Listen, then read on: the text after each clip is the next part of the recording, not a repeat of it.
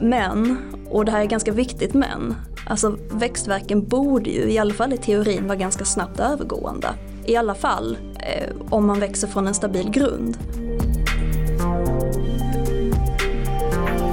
Så det myndigheterna beskriver för oss, det är på något sätt lugnet före stormen. Att för stunden så är det kontrollerat, att de kan anställa dem i den takt de behöver och de hittar rätt kompetens. Men de ser också att på horisonten så finns det risker som tornar upp sig. Totalförsvaret ska växa och till följd av det nya säkerhetspolitiska läget i vårt närområde har anslagen till försvaret ökat markant. Hur ska samhället förvalta denna tillväxt och riskerar vi att drabbas av växtverk? Det ska jag prata mer om med FOI-analytikerna Matilda Olsson och Beatrice Reichel som också står bakom rapporten Växtverk utmaningar med att personalförsörja det civila försvaret i fredstid. Välkomna! Tack så mycket. Tack. Börja lite med att berätta om er själva. Vad tycker ni är kittlande med eh, civilt försvar? Matilda, vill du börja? Det där är faktiskt en av de svåraste frågorna för mig att svara på. För att jag är en person som är generellt nyfiken och tycker om att studera samhällsutvecklingen. Och i det kommer det civila försvaret in, om inte minst nu, väldigt tydligt. Så jag tycker det är väldigt intressant att, att se liksom hur vi ska bygga någonting som ska gälla för hela Sverige. Någonting som ska eh, gälla för alla och en var. Och hur får man ihop det med både myndigheter, näringsliv, Eh, individer, individer, frivilligorganisationer, hela den här liksom utmaningen att få ihop alla de här delarna under ett och samma tak tycker jag är väldigt spännande. Ja men vad som kittlar, jag, själva frågan om krig är ju egentligen ganska mörk och ganska svår att ta sig an rent kognitivt. Och där tycker jag att konceptet civilt försvar, det finns något som är så fundamentalt hoppfullt i det. Det är ett sätt att ta sig an den ganska svåra, ganska mörka frågan. Och vi har liksom ganska nyligen genomlevt eller lever igenom två kriser. Först var det pandemin och så nu har vi Rysslands invasion av Ukraina. Jag tycker man märker väldigt ofta att det är i alla fall en, en betydande andel av Sveriges befolkning, den första frågan man ställer sig är hur kan jag hjälpa till? Och det, det tycker jag liksom, det är det både krisberedskapen och det civila försvaret handlar om. Liksom, hur ska man kanalisera den kraften? Um, och det är lite det jag menar med att det är en, det är en hoppfull tanke. Ska vi för eh, enkelhetens skull eller för tydlighetens skull kanske börja med att definiera vad är civilt försvar? Kortfattat. Ja, men om, om vi ska titta på definitionen av civilt försvar i fredstid så är det den civila verksamhet som myndigheter, kommuner och regioner samt enskilda företag och det civila samhället med flera vidtar för att förbereda Sverige för krig. Och det finns ett par saker som man kanske ska fånga upp där eh, och eh, titta lite närmare på. Dels så är det ju specificerat att det, är en verksamhet. Det är alltså inte någon sammanhållen organisation vi talar om utan det är väldigt många organisationer och enheter som gör olika saker tillsammans. Och för det andra så då så ligger ju tyngdpunkten på krigsförberedande åtgärder.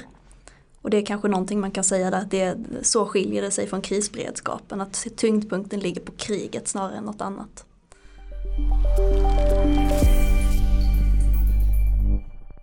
Precis, du nämnde fredstid och rapportens namn är ju växtverk utmaningar med att personalförsörja det civila försvaret i fredstid. Varför har man valt att särskilja det från, från krigstid? Ja, det enkla svaret på varför vi valt att specificera just fredstid är ju för att det är en avgränsning som vi gör i, studi i studien. Vi tittar specifikt på frågan om det finns tillräckligt med personer som kan bygga upp det civila försvarets förmågor i fredstid. För det, det är alltså det det handlar om. Vid höjd beredskap och krig så är personalförsörjningsfrågan mer en fråga om hur man ska nyttja de förmågorna. Men för att de ska finnas på plats överhuvudtaget så måste man ju bygga dem och sen så kan man säga att en utgångspunkt i totalförsvarsplaneringen det är ju att olika organisationer i första hand ska bemannas med ordinarie personal vid höjd beredskap. Så om du jobbar inom en samhällsviktig verksamhet inom till exempel energiförsörjningen så är utgångspunkten att du ska stanna kvar där om det blir höjd beredskap eller krig. Och så finns det ju självklart vissa undantag för man kan vara krigsplacerad någon annanstans om du är med i hemvärnet exempelvis. Ehm, men de allra flesta ska ändå fortsätta jobba på på samma plats som förut är det tänkt. Och vad detta innebär är ju alltså att personalförsörjningen helst, helst bör fungera i fredstid för att den också ska kunna fungera under höjd beredskap. Eh, om du har personalbrist i fredstid, ja då är det också sannolikt att du kommer ha det under höjd beredskap. Så liksom väldigt förenklat så är det alltså under, under fredstid som vi ska skapa förutsättningarna för att det ska fungera även i händelse av höjd beredskap och krig. Jag kan också tillägga att när vi påbörjade den här studien så såg vi ganska tidigt att det fanns ett kunskapsglapp här. Det, vi kunde inte hitta så väldigt mycket som var skrivet om just personalförsörjningen i fredstid. Och vi var lite nyfikna på liksom, men, men hur ser det ut idag ute hos myndigheterna? Har de förutsättningar att börja växa? Och då ville vi särskilt titta då på myndigheterna som har ett särskilt utpekat ansvar att bedriva totalförsvarsplanering. För att man kan säga att de här myndigheterna är på sätt och vis motorn i totalförsvaret i och med att de har det här särskilt utpekade ansvaret. Och då är de också lite särskilt intressanta att titta närmare på. Det är också dit som många av de här medlen nu riktas till.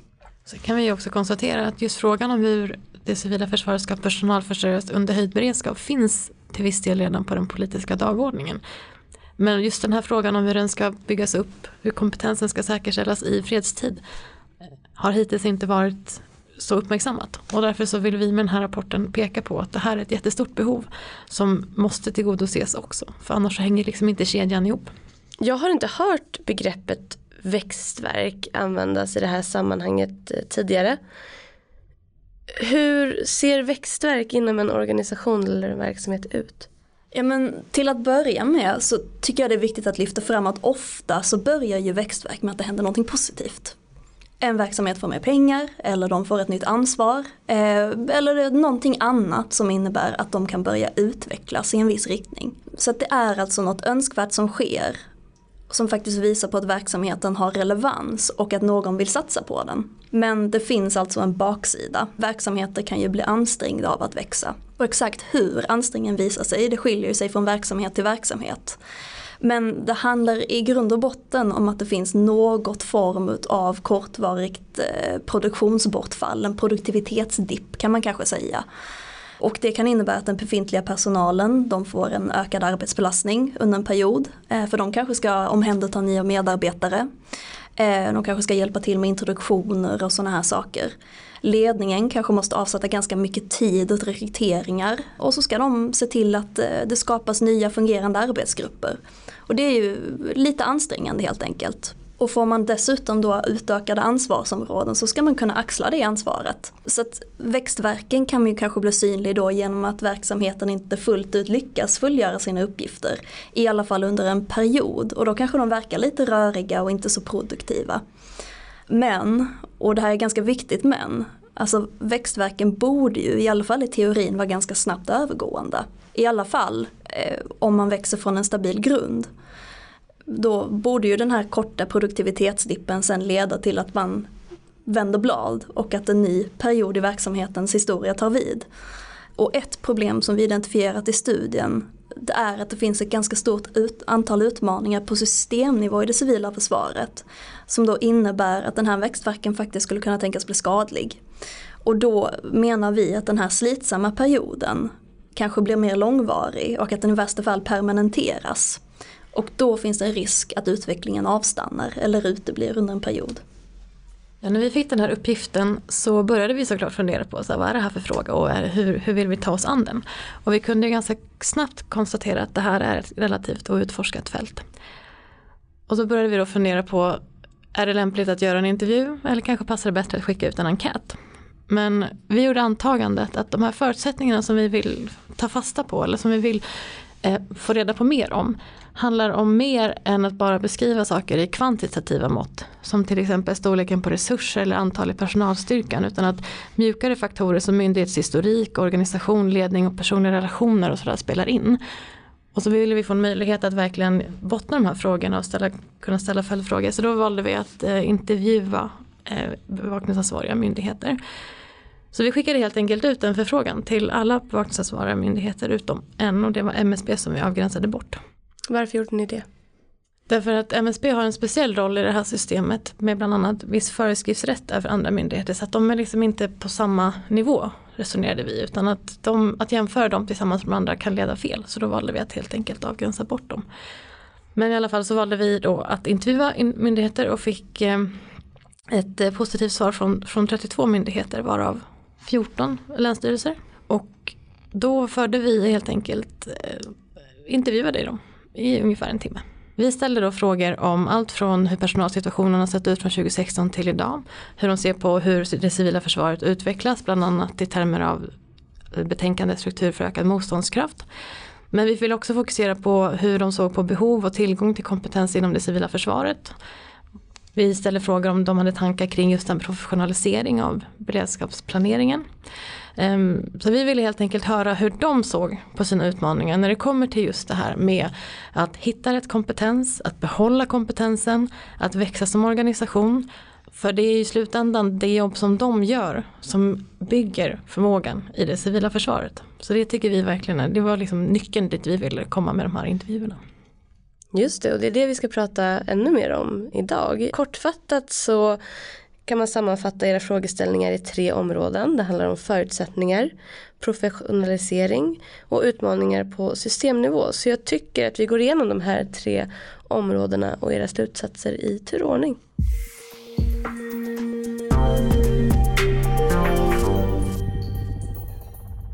Myndigheternas förutsättningar för att arbeta med beredskapsplanering skiljer sig åt. I rapporten intervjuades respondenterna om vilka strategier som finns idag och hur de ser på möjligheterna framåt. Om vi börjar med nuläget, hur ser myndigheterna på sina förutsättningar för att arbeta med och skala upp arbetet med beredskapsplanering? Ja, det vi tyckte var intressant att få reda på var att vid tiden för intervjuerna, och det kan ju vara viktigt att påpeka eller påminna kanske snarare, att det var under våren 2021. Vilket innebär att det var precis i början av den nu innevarande totalförsvarspropositionen eller perioden. Och under den perioden som vi ställde de här frågorna till dem så var den breda uppfattningen att de hade sitt personalförsörjningsbehov under kontroll. Och att de för stunden så kände de att de har ett ökat behov av personal men att de kan tillgodose det på, på marknaden.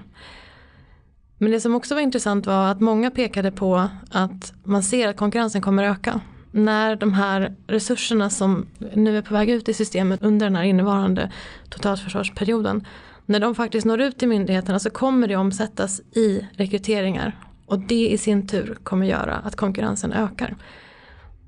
I princip alla myndigheter eller representanter på myndigheterna som vi pratade med tog upp det här. Att om de blickar framåt så ser de att konkurrensen kommer öka och det är rätt rejält.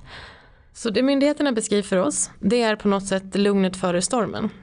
Att för stunden så är det kontrollerat att de kan anställa dem i den takt de behöver och de hittar rätt kompetens. Men de ser också att på horisonten så finns det risker som tornar upp sig. Och det vi kan se nu, ett år senare drygt, är att det har kommit ännu mer pengar som ska fördelas ut i systemet som ska översättas till ännu fler rekryteringar. Vi beskriver i vår rapport risken för en ond spiral där myndigheter tappar kärnkompetenser och kommer få svårt att ersätta dem för att konkurrensen har ökat så mycket. Och det är någonting som vi kan diskutera, att, att har den onda spiralen möjligtvis kickat in nu? Och vi tror att det är inte omöjligt. Om inte annat så kan det hända att den är på väg dit. För när de här ännu mer större summorna ska ut i systemet så kommer det leda till eh, att konkurrensen verkligen skruvas upp. Jag tycker att du, du nämner en väldigt spännande sak där. Att, att vi vet ju egentligen inte hur läget ser ut just nu. Om, det, om den här onda spiralen har kickat igång och, och hur myndigheterna, ja men hur de mår idag egentligen. För det är ju någonting som vi såg eh, när vi eh, genomförde den här studien. Att här finns faktiskt ett stort kunskapsbehov. Att makthavare och beslutsfattare skulle ju verkligen behöva ha ett underlag som, som ger dem någon antydan om hur eh, myndigheterna mår idag. Om de har möjligheter att tillgodose sina kompetensbehov. Så vi har ju bara gjort ett nedslag och kan säga någonting om våren 2021. Men det skulle ju också vara bra att kunna följa den här utvecklingen över tid. För på så vis så vet ju då beslutsfattare om de behöver eh, sätta in några särskilda åtgärder vid olika tidpunkter. Vilka slutsatser drar ni gällande vad myndigheterna behöver för att kunna fortsätta skala upp arbetet framåt? Jag vet att ni eh, till exempel skrivit en del om finansiella styrmedel. Ja, men det här är ju en jättestor utmaning och det finns inga enkla svar. Det finns inga snabba lösningar på hur det här ska lösas på jätte, jättesnabbt och kort sikt. Men det de pekar på i vår rapport är att de behöver långsiktiga finansiella förutsättningar som de själva har rådighet över. Och pengar kan ju inte lösa allting för du kan inte köpa allting för pengar. Ifall det inte finns kompetens på marknaden så är det fortfarande en utmaning. Men där myndigheterna befinner sig nu, där de ska skala upp sitt arbete på ganska kort tid och de får ännu större eh, tilldelningar av medel än vad som var aktuellt när vi genomförde de här intervjuerna. Så måste man ju fråga sig hur de ska lyckas med den här balansgången. Att både göra det som är absolut nödvändigt nu på kort sikt men samtidigt våga orka lyfta blicken och bygga organisationer som kan växa konstruktivt på lång sikt. Och där tror jag mycket att, att det handlar om prioritering för jag tror inte man klarar av att göra allting som kommer i knät just nu samtidigt som man ska orka bygga en långsiktig organisation. Och de här individerna ska ju också orka. Det måste man också ta med sig. Att just nu är det trycket på myndigheterna sannolikt enormt stort. När vi diskuterar den här frågan om, om eh, de finansiella medlen och långsiktighet och så här så har vi ju också märkt av att det kanske finns ett behov att förbättra kommunikationen eller förståelsen för de här signalerna i systemet. Det finns ju en viss fördröjningseffekt mellan det att regeringen kommer ut, aviserar något nytt och sen tar det ett antal månader, kanske innan det är helt fastställt och eh, det sedan har filtrerats ner till myndigheterna som har analyserat vad det innebär för dem och vad de kan göra med de här medlen. Och så lägger de kanske en planering och sen så efterhand så, så börjar alla medarbetare också förstå vad det är som ska hända. Men eh, vi kan prata om liksom sex månader till ett år kanske. Så en möjlig risk med vår studie det är att vissa av de här sakerna kanske inte hade filtrerat ner Eh, till alla liksom förståelsen för att nu håller saker och ting verkligen på att förändras. Men det visar ju också på att det kanske behöver finnas eh, någon form av kompetensutveckling i relation till det här med att tolka signalerna.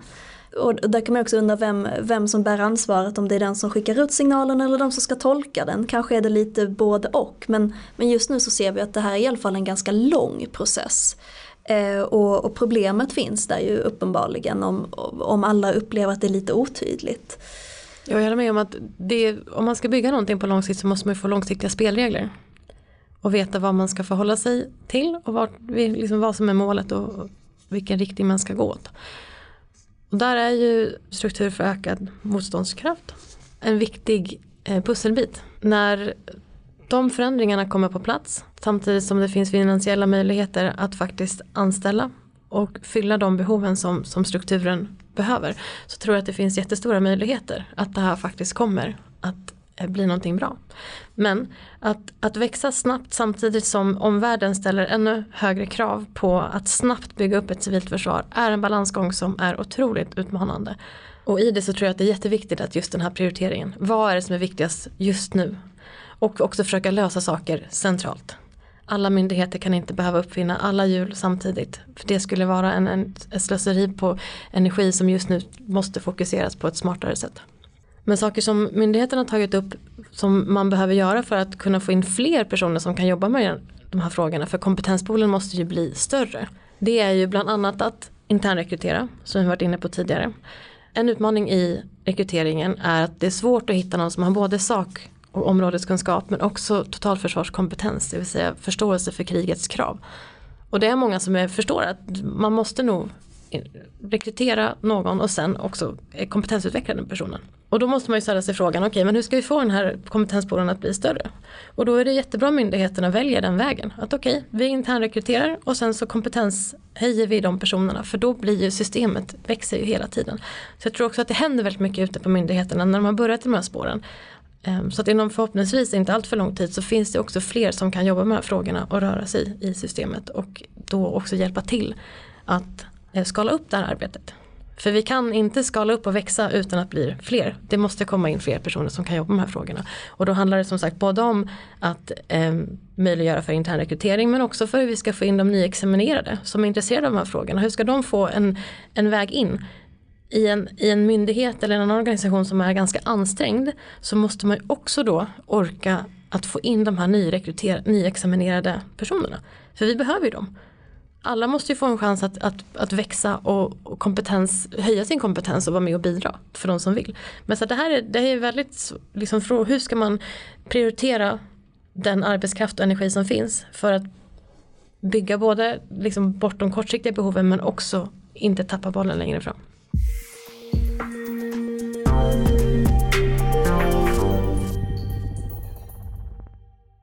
Med professionalisering menas en process som leder till att ett kompetensområde blir mer tydligt avgränsat.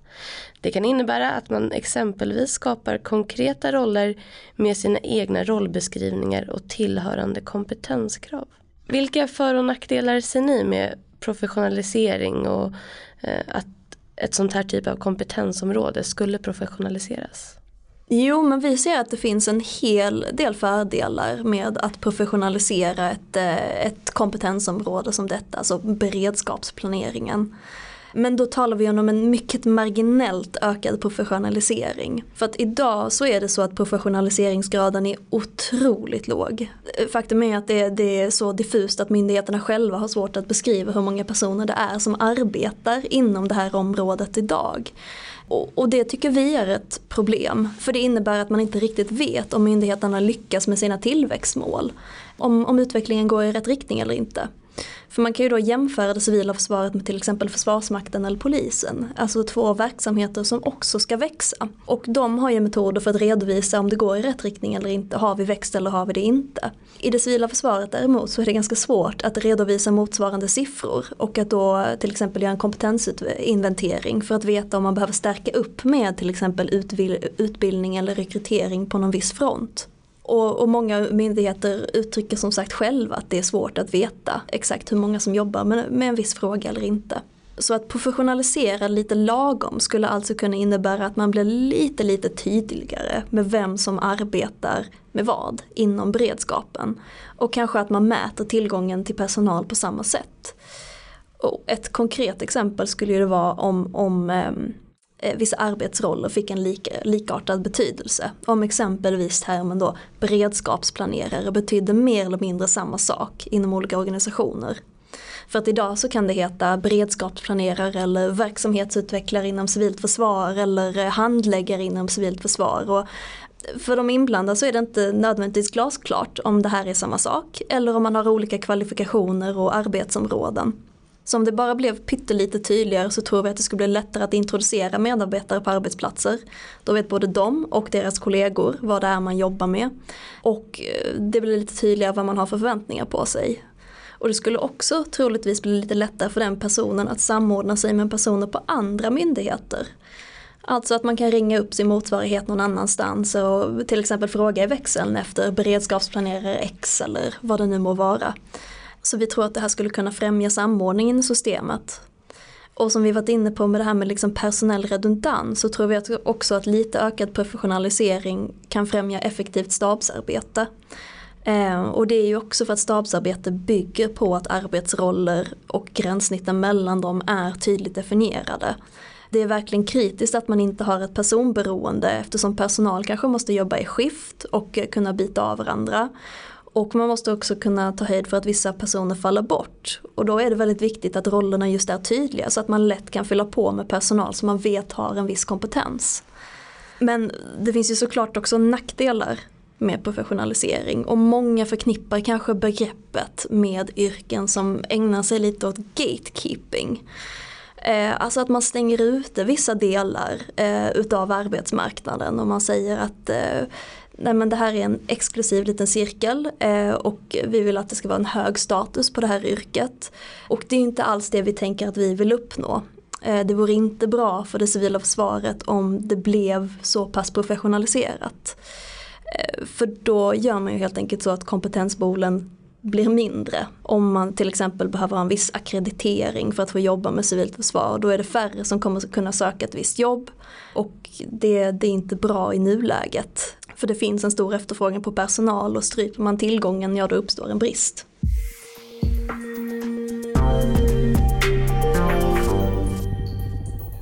Det finns även utmaningar på systemnivå som riskerar undergräva en robust kompetensförsörjning av beredskapsplaneringen. I rapporten har ni identifierat fyra utmaningar.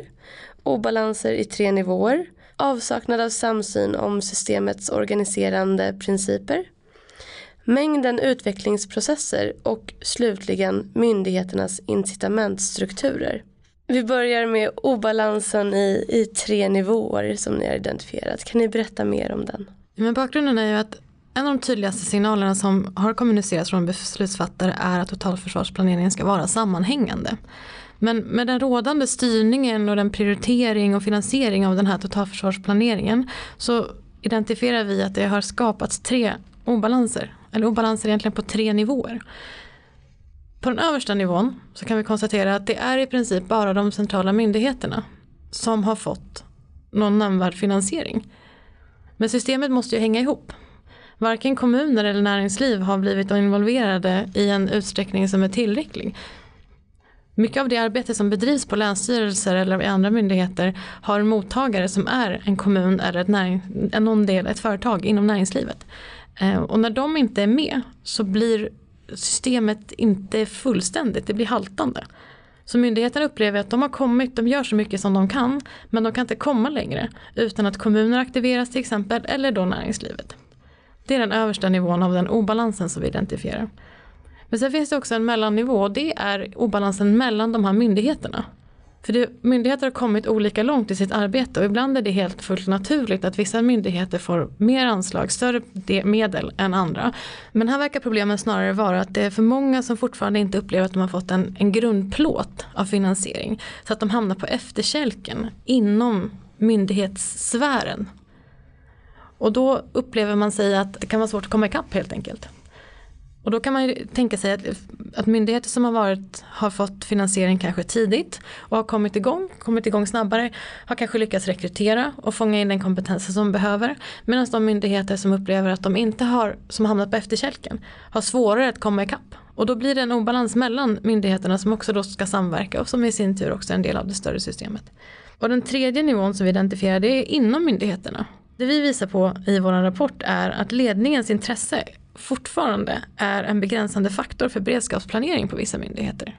Om du har en ledning som är väldigt intresserad av de här frågorna så öppnas helt andra möjligheter att jobba med dem. Och det är ganska självklart. Men det påverkar utformningen av vårt civila försvar. Och då menar vi att de här tre olika obalanserna, dels då att hela alla aktörerna som ska vara en del av det civila försvaret måste ju aktiveras i någon form av samma grad. Samma sak mellan myndigheterna men också inom myndigheterna. För att kedjan ska hänga ihop och det ska bli en framåtdrift så behöver de här tre nivåerna takta. Och det gör de inte idag helt enkelt.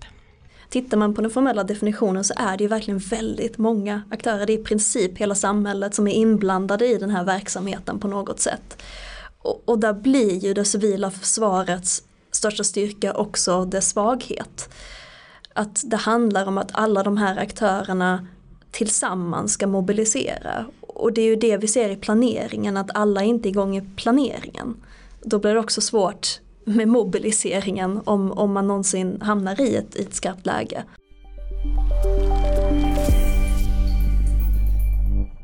I intervjuresultaten beskrivs att det råder oenighet kring relationen mellan krisberedskapen och det civila försvaret. Kan ni utveckla Ja, alltså det här var ju ett ganska spännande resultat. För när vi intervjuade de här 32 stycken myndigheterna så började vi märka att de uttrycker ju ganska så olika syn på hur beredskapssystemet ska hänga ihop.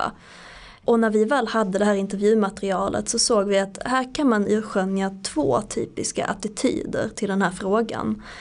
Då liksom just hur det civila försvaret och krisberedskapen förhåller sig till varandra.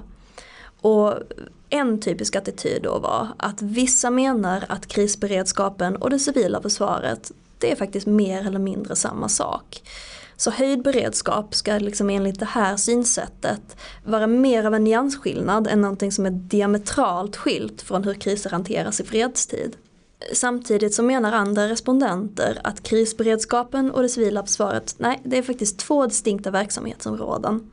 Ett exempel som vi tar upp i rapporten är att en, en eh, respondent uttryckte det som att krisberedskapen och det civila försvaret det är två parallella spår med vissa beröringspunkter. Eh, och en anledning till att man kanske ser på det ur det perspektivet är ju för att krisberedskapen och det civila försvaret det styrs av olika regelverk och har ju således lite olika logiker. Och av det som respondenterna berättade så blev det också tydligt att de strukturerar sin verksamhet alltså ut efter de antaganden de har gjort om hur allting hänger ihop. Så om man antar att krisberedskapen och det civila försvaret är mer eller mindre samma sak, men då hade man en tendens att hantera frågorna lite mer flytande. Man kanske inte hade en handläggare som är specifikt inriktad på civilt försvar å ena sidan och krisberedskap å den andra. Ehm, alla gör lite av varje. Och av intervjuerna så kunde vi också se att det var merparten utav respondenterna som, eller merparten av myndigheterna som arbetar på det sättet ganska integrerat. Men det som egentligen är signifikant i det här sammanhanget det är ju att det inte finns en samsyn. För det innebär att myndigheterna arbetar på olika sätt. De gör olika antaganden och bygger in sig i olika strukturer. Det blir alltså svårt att uppnå det här målet om att systemet ska bli sammanhängande. Eh, för hela grundidén är ju att det civila försvaret ska ha processer som jackar in i varandra ganska sömlöst. Och de måste kunna fungera tillsammans i skarpt läge. Och därför så menar vi att det är viktigt att det ska finnas en samsyn om den här frågan och liknande frågor såklart. Eh, vad är civilt försvar? Hur hänger alltihopa? Och det är klart att det finns ju policydokument som man kan luta sig mot här för att göra sin tolkning. Men problemet är ju att det redan har gjorts så pass många olika tolkningar. Och lösningen det handlar ju ytterst om att alla förstår att ett beslut har tagits av någon och eh, sen är villiga att arbeta efter det. Eh, och där har ju då aktörer som MSB och då de framtida sektorsmyndigheterna ett alldeles särskilt stort ansvar. Men det handlar ju såklart också om att de övriga myndigheterna är villiga att se sig själva av en del av det här systemet.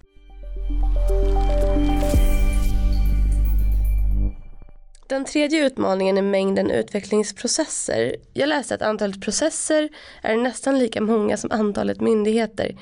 Vilka är nackdelarna med det här och ser ni några lösningar på hur vi kan bli mer enhetliga? Jag tänker att vi kanske borde med, börja med att förtydliga att det här är alltså intrycket av de intervjuer som vi genomförde. Det är inte en exakt redovisning av exakt hur många utvecklingsprocesser det är som faktiskt pågår. Så det, det är inte statistik vi presenterar utan en iakttagelse då. Men det kan ju likväl vara ett ganska allvarligt problem. Eh, många myndigheter beskriver att de mellan 2015 och 2020, alltså under den förra totalförsvarsperioden, ägnade väldigt mycket tid åt att just tolka de nya politiska styrningarna. Alltså att förstå vad, vad är myndighetens nya uppdrag eh, i relation till totalförsvaret? Vad behöver man göra i vilken ordning? Och det finns trots allt vissa exempel på att myndigheterna har samordnat sig i det arbetet och det är ju jättebra. Och ett exempel är att länsstyrelserna de jobbade tillsammans för att förstå sig på totalförsvarsjuridiken. Men precis som vi skriver så är det också tydligt att väldigt mycket tankearbete har skett i parallella spår med lite samordning. Och nackdelen där, det är ju att det blir väldigt resurskrävande. För alltså det, det, blir ju i princip dubbelarbete. Och vissa av de här sakerna det är ju faktiskt saker som alla myndigheterna behöver ha förmåga att utföra. Ett exempel som lyftes fram av en respondent är det här med säkra kommunikationsmedel. Det är ju relevant för alla. Eh, ett annat exempel är eh, gemensamma metoder för hur man genomför risk och sårbarhetsanalyser. Det är inte resurseffektivt att alla uppfinner hjulet helt enkelt. Och den andra nackdelen är ju då att man kan få olika svar på frågan. Vad behöver göras? Eh, med så många olika tolkningar och styrningar så kan man komma fram till lite olika svar och då som sagt bygga in sig i olika strukturer, arbeta efter olika metoder och då blir ju också det civila försvaret allt mer fragmenterat.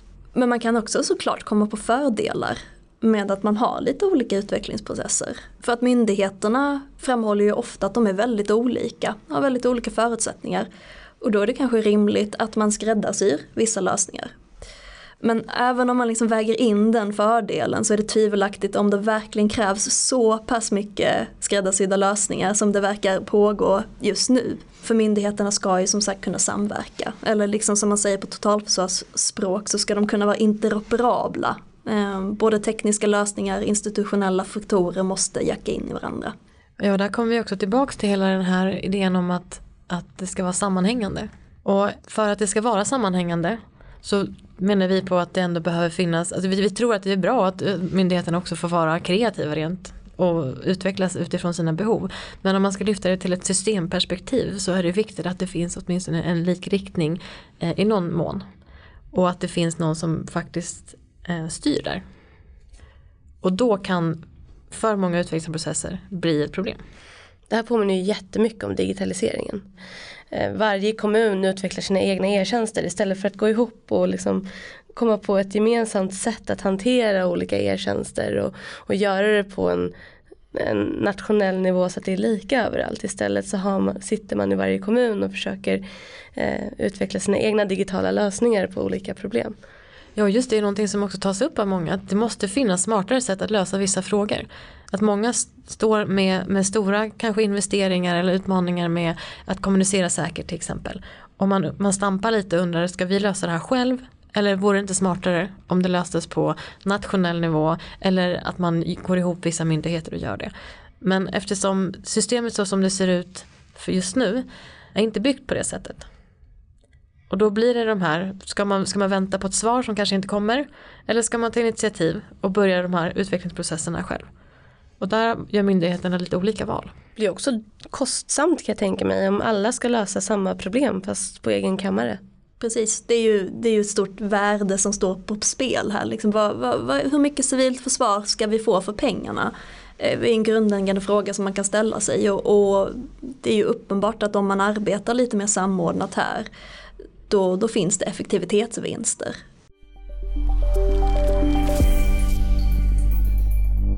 Slutligen så ska vi prata om myndigheternas incitamentsstrukturer. Vad menas med det? Men myndigheter de styrs ju av sin instruktion, sina årliga regleringsbrev och sin budget. Det är ju de sakerna som bestämmer vad, vad myndigheterna ska göra och hur de prioriterar sitt arbete. Och civilt försvar är ju en del mängd i vad myndigheterna ska göra. Men det är inte den som är nödvändigtvis det de lägger högst i sin prioriteringsordning. Och det betyder att myndigheterna, de ska lösa sina uppgifter. Och ibland så är en myndighets lösning på en uppgift går på tvärs med en annan myndighets behov för att lösa ut en fråga inom det civila försvaret. Och det kan vara då till exempel kompetens. Att anställa en person från en annan myndighet gynnar den egna myndighetens förutsättningar att lösa ut sina arbetsuppgifter helt enkelt. Men det hämmar en annan myndighet. Och då blir det lite det här problemet med att, eller kanske utmaningen snarare med att det civila försvaret är en verksamhet och inte en organisation. För det där kan vara lite svårt att hålla isär. Det, fin- det är inte en organisation som är genomtänkt hur, hur den ska fungera optimalt utan det här är någonting som alla ska göra som små delmängder ute i sina organisationer. Men det är en delmängd. Det är inte huvuduppgiften, även om den är väldigt viktig. Och det gör att systemet som ska samverka och sam vara sammanhängande och samarbeta agerar som individuella enheter under ett paraply. Och det är inte säkert att de individuella besluten som myndigheterna tar gynnar systemet som helhet. Och det menar vi är ju inte myndigheternas fel att de följer sina instruktioner. Utan det behöver ju ett annat systemtänk i sådana fall om man vill göra någonting åt det. Men det blir tydligt i den här rapporten för att det finns då de respondenter som pratar om att myndigheterna i princip kannibaliserar på varandra. Att det är ett nollsummespel det här. Att om jag anställer en person, om jag rekryterar en person från en annan myndighet så är det ju per definition ett personaltapp på den myndigheten. Mm. Och även ifall det finns positiva sidor med att kompetensen sprids i systemet så är det fortfarande så att arbetet kan ju hämmas på en myndighet men gynnas på en annan. Och det är det vi menar med de här myndighets, myndigheternas incitamentsstrukturerna att de är inte riggade för att tänka ur ett systemperspektiv bara eh, på civilt försvar. Det tror vi är viktigt att ta med när man funderar på hur myndigheterna väljer att agera och prioritera. Och har ni några lästips för den som vill lära sig mer om, om det här? Jag vet ett självklart lästips. Vill du börja då med ditt lästips eller? ja men det är såklart er ja, rapport om ja, växtverk. Ja självklart, men, den, ja, precis. Uh, ja, men ut, utöver då växtverk så uh, finns det ett par olika FOI-rapporter som man uh, jättegärna får läsa. Uh, vi har några kloka kollegor som har skrivit rapporten Kunskap för beredskap. Vad har risk och sårbarhetsanalys gett för effekt hittills och kan nyttan öka?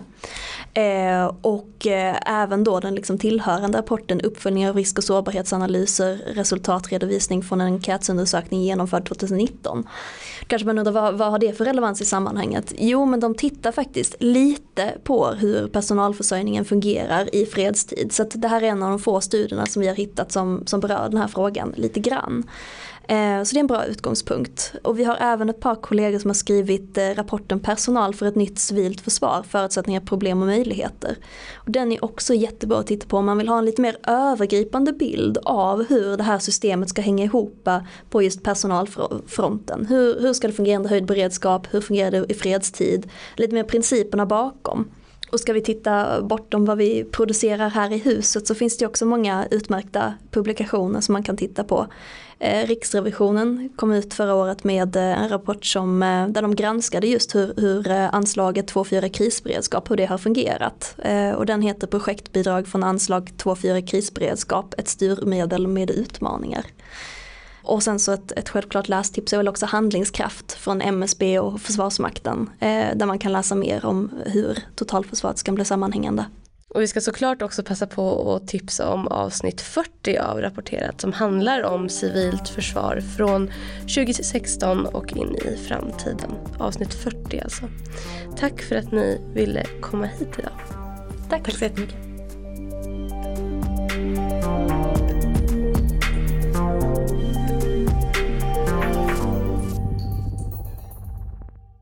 Den här podcasten har producerats av Totalförsvarets forskningsinstitut.